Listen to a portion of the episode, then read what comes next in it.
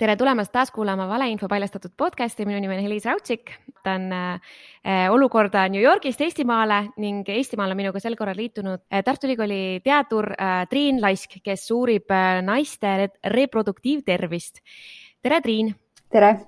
äkki sa enne, kui me läheme teemasse, paari sõnaga ka seletad täpsemalt, mida sa täpselt uurid ning millised aspektid naiste viljakuse juures sinu jaoks huvitavad on? Ja hea meelega, et äh, minu teadustöö on juba viimased väga mitu aastat siis keskendunud naiste viljakuse ja viljatusega seotud tunnuste ja haiguste geneetikale, et ma kasutan just geneetikat selleks, et siis seda bioloogiat paremini mõista nüüd sa oled ennast lahkelt appi pakkunud mulle paljastama natukene valeinfot, mis viljakuse ümber ringlenud on ja sa oled juba varasemalt ka kommenteerinud seda, mida koroonavaktsiinid võivad põhjustada või kuidas äh, rinnavähihaiget siis äh, vaktsiini saamine võib mõjutada või rinnavähi tähendab uuringute ajal võib koroonavaktsiini saamine mõjutada neid uuringu näitajaid, aga juba vaktsineerimise algusest möödunud aasta sügisel või tähendab detsembris on äh, olnud juttu sellest, et koroona, koroonavaktsiinid mõjutavad naiste viljakust. selle suhtes on tehtud juba väga palju ümberlükkamisi nii Eestis kui ka Euroopas kui ka Ameerikas. esimesed äh, teated, mis tulid Inglismaalt, kus alustasid siis esimesena vaktsineerimist. Ähm, ma ei tea, kas sa oled tutvunud sellega, et esialgsed uuringud, mis tehti, andsid teada, et naistel esines rohkem nüri, nurisünnitusi nende hulgas, kes olid vaktsiini saanud, oled sa sellega kursis? mina ei ole sellist uuringut näinud, et vastupidi, kõik need uuringud, mida mina olen vaadanud, mis on siis analüüsinud äh,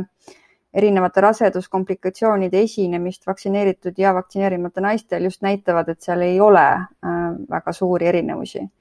et äh, ilma seda uuringut äh, täpsemalt nägemata ma ei oska nüüd äh, kommenteerida, aga, aga minu teada see ei tohiks tõele vastata. hästi, see tuli välja, sest see oli selline esimene valeinfolaine, mis viljakuse alal koroonavaktsiini suhtes siis vaktsiinivastaste ning koroona skeptikute osas levis. see oli juba märtsis, nüüd on aega tükk aega edasi läinud, vaktsineerimine edeneb ning täiendavaid tõendeid pole ikkagi tulnud, et kuidagi vaktsineerimine lapsi või rasedaid naisi mõjutaks. ma saan aru, et naistearstid ka tegelikult soovitavad hetkel vaktsineerida, et see on küll vabatahtlik, aga soovitatakse, eks ole minu teada ka, vähemalt ma loodan, et soovitatakse. nüüd andis äh, juba vist äh, umbes nädalapäevad tagasi meie armas äh, kodumaine blogija Paljas Porgand uue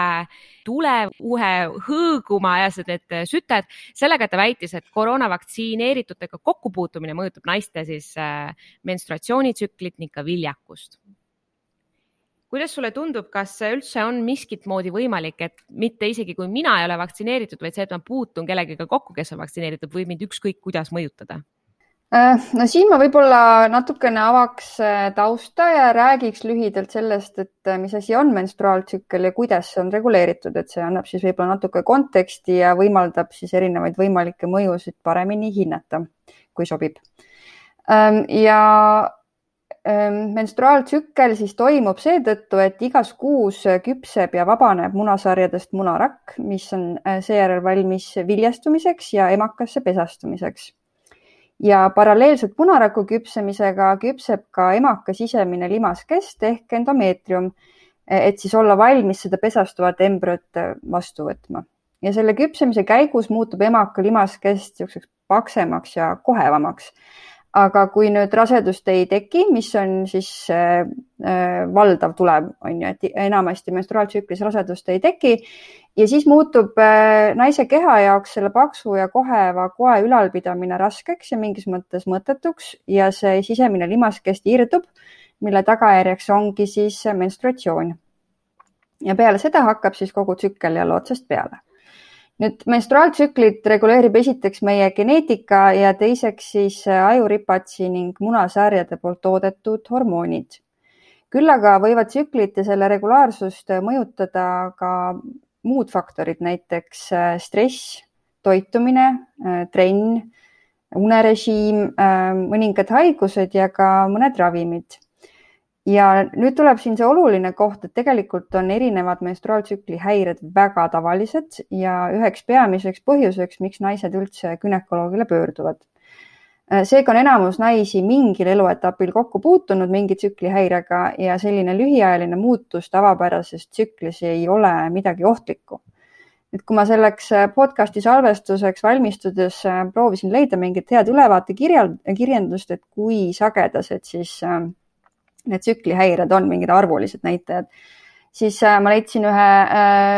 günekoloogi tsitaadi, kus tema kogemus ütleb, et siis enamikel naistel on igal aastal vähemalt üks tsükkel selline tavapärasest erinev, ehk siis keskmiselt kord aastas puutuvad naised mingi tsüklihäirega kokku. Um,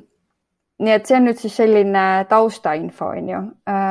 mis puudutab siis äh, konkreetselt seda koroonavaktsiini ja tsüklihäireid, siis selleks, et teha mingeid järeldusi selle osas, kas vaktsineerimine võiks mõjutada menstruaaltsüklit, on meil vaja palju andmeid Ehm, ja kui me mõtleme tagasi nüüd nende Covid vaktsiinide kliiniliste uuringute peale, siis äh, seal menstruaaltsükliga seotud kõrvaltoimeid ei raporteeritud. Ja nüüd praeguseks hetkeks on üle maailma Covidi vastu vaktsineeritud siis äh, sadu miljoneid inimesi, noh, neist pooled, kui mitte enam, on äh, naised. Seega, kui vaktsineerimine kuidagi süstemaatiliselt mõjutaks menstruaaltsüklit, oleks meil sellekohased andmed juba olemas ning äh, tsüklihäired kantud võimalike kõrvaltoimete nimekirja, aga seda tehtud ei ole, mis tähendab, et sellist süstemaatilist mõju neil ei ole aga noh, kuna see teema on nüüd rohkem päevakorda tõusnud, siis ma arvaks, et nüüd sellele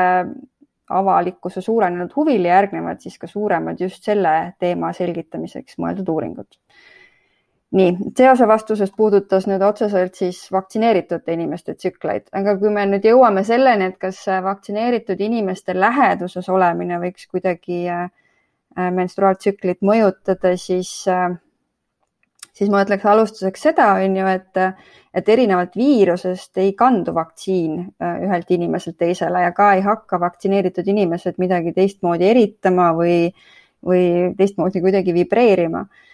Ähm, et ei ole ei tõendeid ega ka ühtki sellist levinud bioloogilist mehhanismi, millega vaktsineeritud inimene kuidagi eriliselt saaks mõjutada teda ümbritsevaid inimesi. Et noh, loomulikult me äh, mõjutame meid ümbritsevaid inimesi, kas siis oma tegude või, või sõnadega, aga see ei, see ei ole midagi niisugust vaktsiinispetsiifilist ühesõnaga, kui nagu natukene ikkagi skeptilisema spektriga seda sinu vastust vaadelda, siis mul võib Äh, selle vaktsiini saamise järel menstruatsioonitsükli häireid tekkida, aga see ei tulene vaktsiinist endast, vaid näiteks sellest kaasnevast stressist või palavikust, mis selle vaktsiiniga tuleb kaasa, on niimoodi? Just, et see on minu arvates igati äh, äh, selline pädev järeldus, et noh, jah, ühelt poolt on see, et kui mingid kaks sündmust toimuvad samal ajal, näiteks siis vaktsiini saamine ja siis see tsüklihäire, siis see ilmtingimata ei tähenda, on ju, et need on põhjuslikud, et kui me võtame arvesse, et kui paljusid inimesi praegu vaktsineeritakse ja kui sagedased on tsüklihäired, noh siis see on ka puhas statistiline tõenäosus, et need kokku langevad mingitel inimestel. Aga kui mõelda neid võimalikke bioloogilisi mehhanisme, kuidas need võiks, võiks niimoodi seotud olla, siis, siis jah, see stress või, või see tekkiv ähm, immuunvastus, näiteks palavik või ka näiteks need ravimid, mida inimene võtab selle palaviku leevendamiseks või lihasvalu leevendamiseks, et ka need võivad rolli mängida mind huvitab see, et miks me räägime nagu valeinfo võtmes ja, ja teaduslikus võtmes, et seda koroonavaktsiini skeptilisust õhutada naistest. miks ei ole meeste puhul täheldatud mingisugust testosterooni langust um...?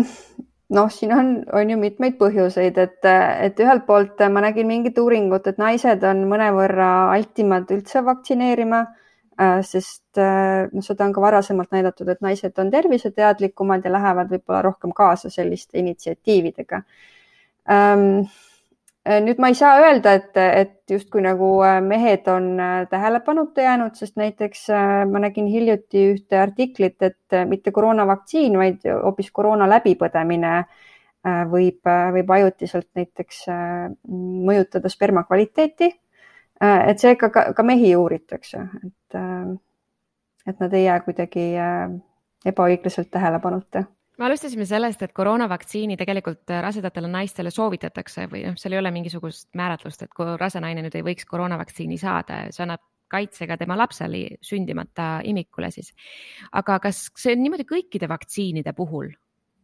kas kõiki vaktsiini võivad rasedad inimesed saada?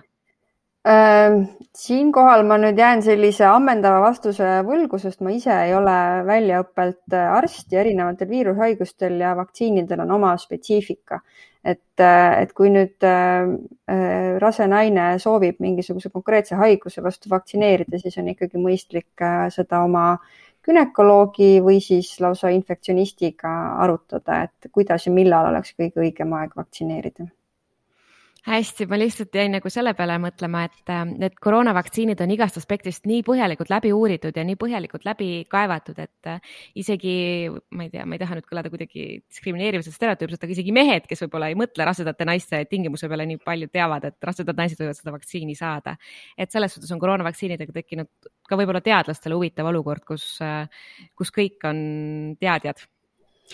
no just, et noh, näiteks eh, ma arvan, et enne koroonavaktsiini väga paljud inimesed ei teadnud, mis asi on mRNA, aga nüüd on eh, kõik järsku väga teadlikud, mis on tore vot just siis me jõuame selle mRNA-ni, et kas see mRNA-s on midagi erinevat, kas mRNA-s ikkagi, kui torkida, kas selle mRNA raku, ma ei tea, mõjutamist on uuritud, kas see täiesti sada protsenti kindlalt ei saa mõjutada minu juba kehas olevaid munarakke? no siin alustades algusest, siis mRNA iseenesest ei ole midagi inimese keha jaoks võõrast, et ka meie oma rakkudes on mRNA-d väga palju. Ehm, kui nüüd mõelda konkreetselt ehm, viiruse ehm, mRNA peale, mida siis vaktsiinis vähesel määral on, et siis noh, ma ise ei suuda küll nagu ühtegi mingit sellist bioloogilist mehhanismi välja mõelda, kuidas nad võiks just munarakke mõjutada, et et esiteks mRNA on hästi ebastabiilne, et äh, ma mõtlen õudusega tagasi nendele aegadele, kui ma pidin laboris mRNA-ga töötama ja see lihtsalt nagu lagunes iga asja peale ära. Ähm, ja teiseks äh, äh, seda süsti manustatakse, eks ju, lihasesse, see ei lähe sealt kusagil niimoodi ringlema. Ähm, ja, ja kombineerides seda siis sellega, et mRNA on hästi ebastabiilne ja väga lühikese elueaga, siis see lagundatakse väga kiiresti ära, nii et see isegi kui see läheks kuhugi ringlema, siis äh, see laguneks väga kiiresti ära. Ähm, nii et, äh, et mis puudutab kõiki neid müüte, et äh, see mRNA vaktsiin on nüüd omamoodi geeniteraapia ja siis noh, kuidagi kahjustab kas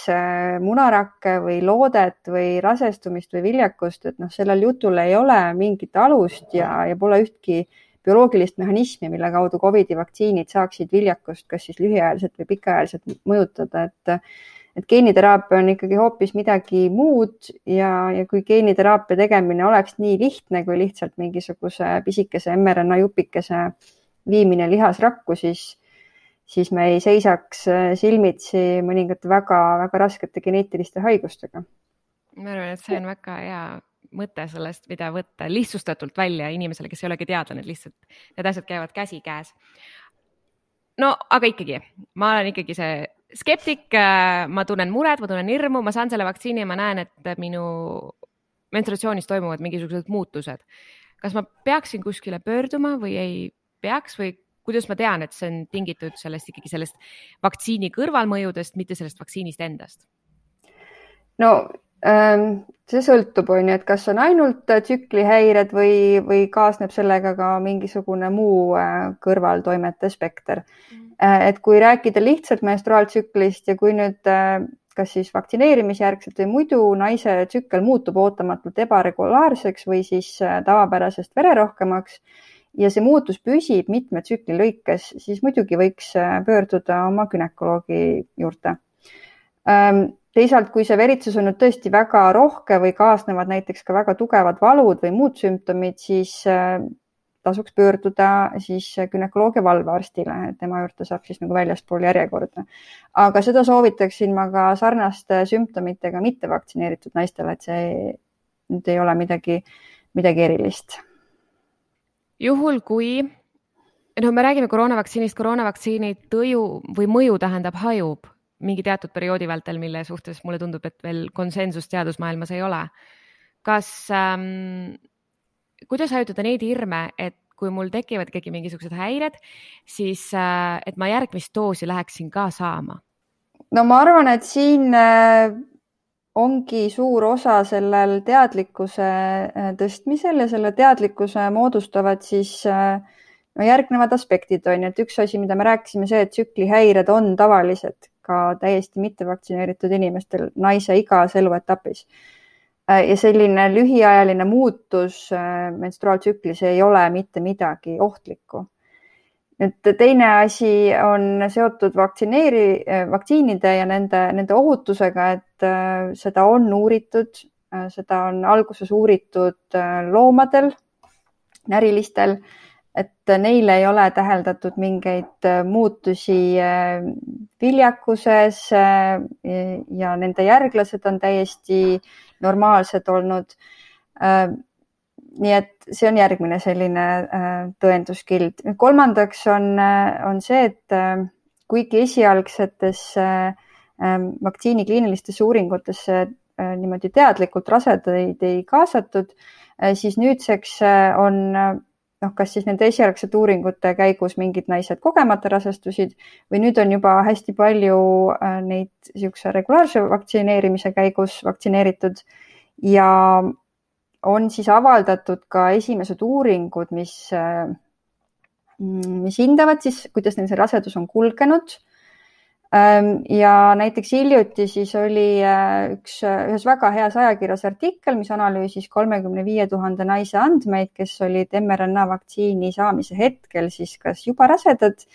või rasestusid peale vaktsiini ja osad neist naistest siis on nüüdseks ka juba sünnitanud. Ja ka see uuring kinnitab, et raseduskomplikatsioonide esinemissagedus ei ole vaktsineeritud rasedatel kõrgem, mis on siis ühtlasi üks nendest uuringutest, mille põhjal saab järeldada, et mRNA vaktsiin on ohutu kasutada rasedatel ja millele siis põhinevad ka gümnakoloogide soovitused nüüd seda teha. et kõiki neid erinevaid infokilde kombineerides noh, mina julgeks küll soovitada vaktsineerimist nii meestele kui, kui naistele ja ma liialt ei muretseks igasuguste internetis ringlevate juttude pärast. See, mis sa just sellest uuringust rääkisid, see lükkab mõnuga kohe ümber selle, millele ma alguses viitasin, kus see kogu raseduse ja viljakuse komplikatsioonide hirm tekkis koroona skeptikute hulgas. aga enne kui ma lõpetan, ma tahtsin veel küsida selle kohta, et saate keskel sa mainisid seda, kuidas äh, on uuringud täheldanud koroona läbipõdemisel meestel äh, viljakuse langust mm. -hmm. kas koroona läbipõdemisel ka naistel selliseid järeldusi on tehtud?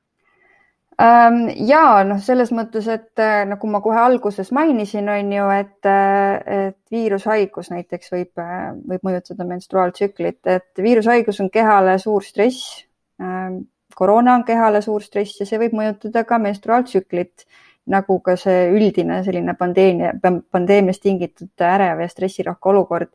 Ja ma leidsin niisuguse ühe suhteliselt väikese uuringu, aga selle uuringu andmetel siis kuni kakskümmend protsenti Covid positiivseid naisi äh, nägi mingeid muutuseid oma menstruaaltsüklis võrreldes siis tavapärasega,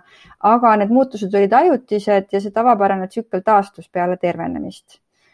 Ehm, noh, samamoodi nagu siis äh, võiks eeldada, et meestel see sperma kvaliteet taastub, et isegi kui on mingeid muutuseid. Aitäh, Triin, ma loodan, et äh, mures äh, noored ja vanemad naised said natukene abi. ma loodan ka.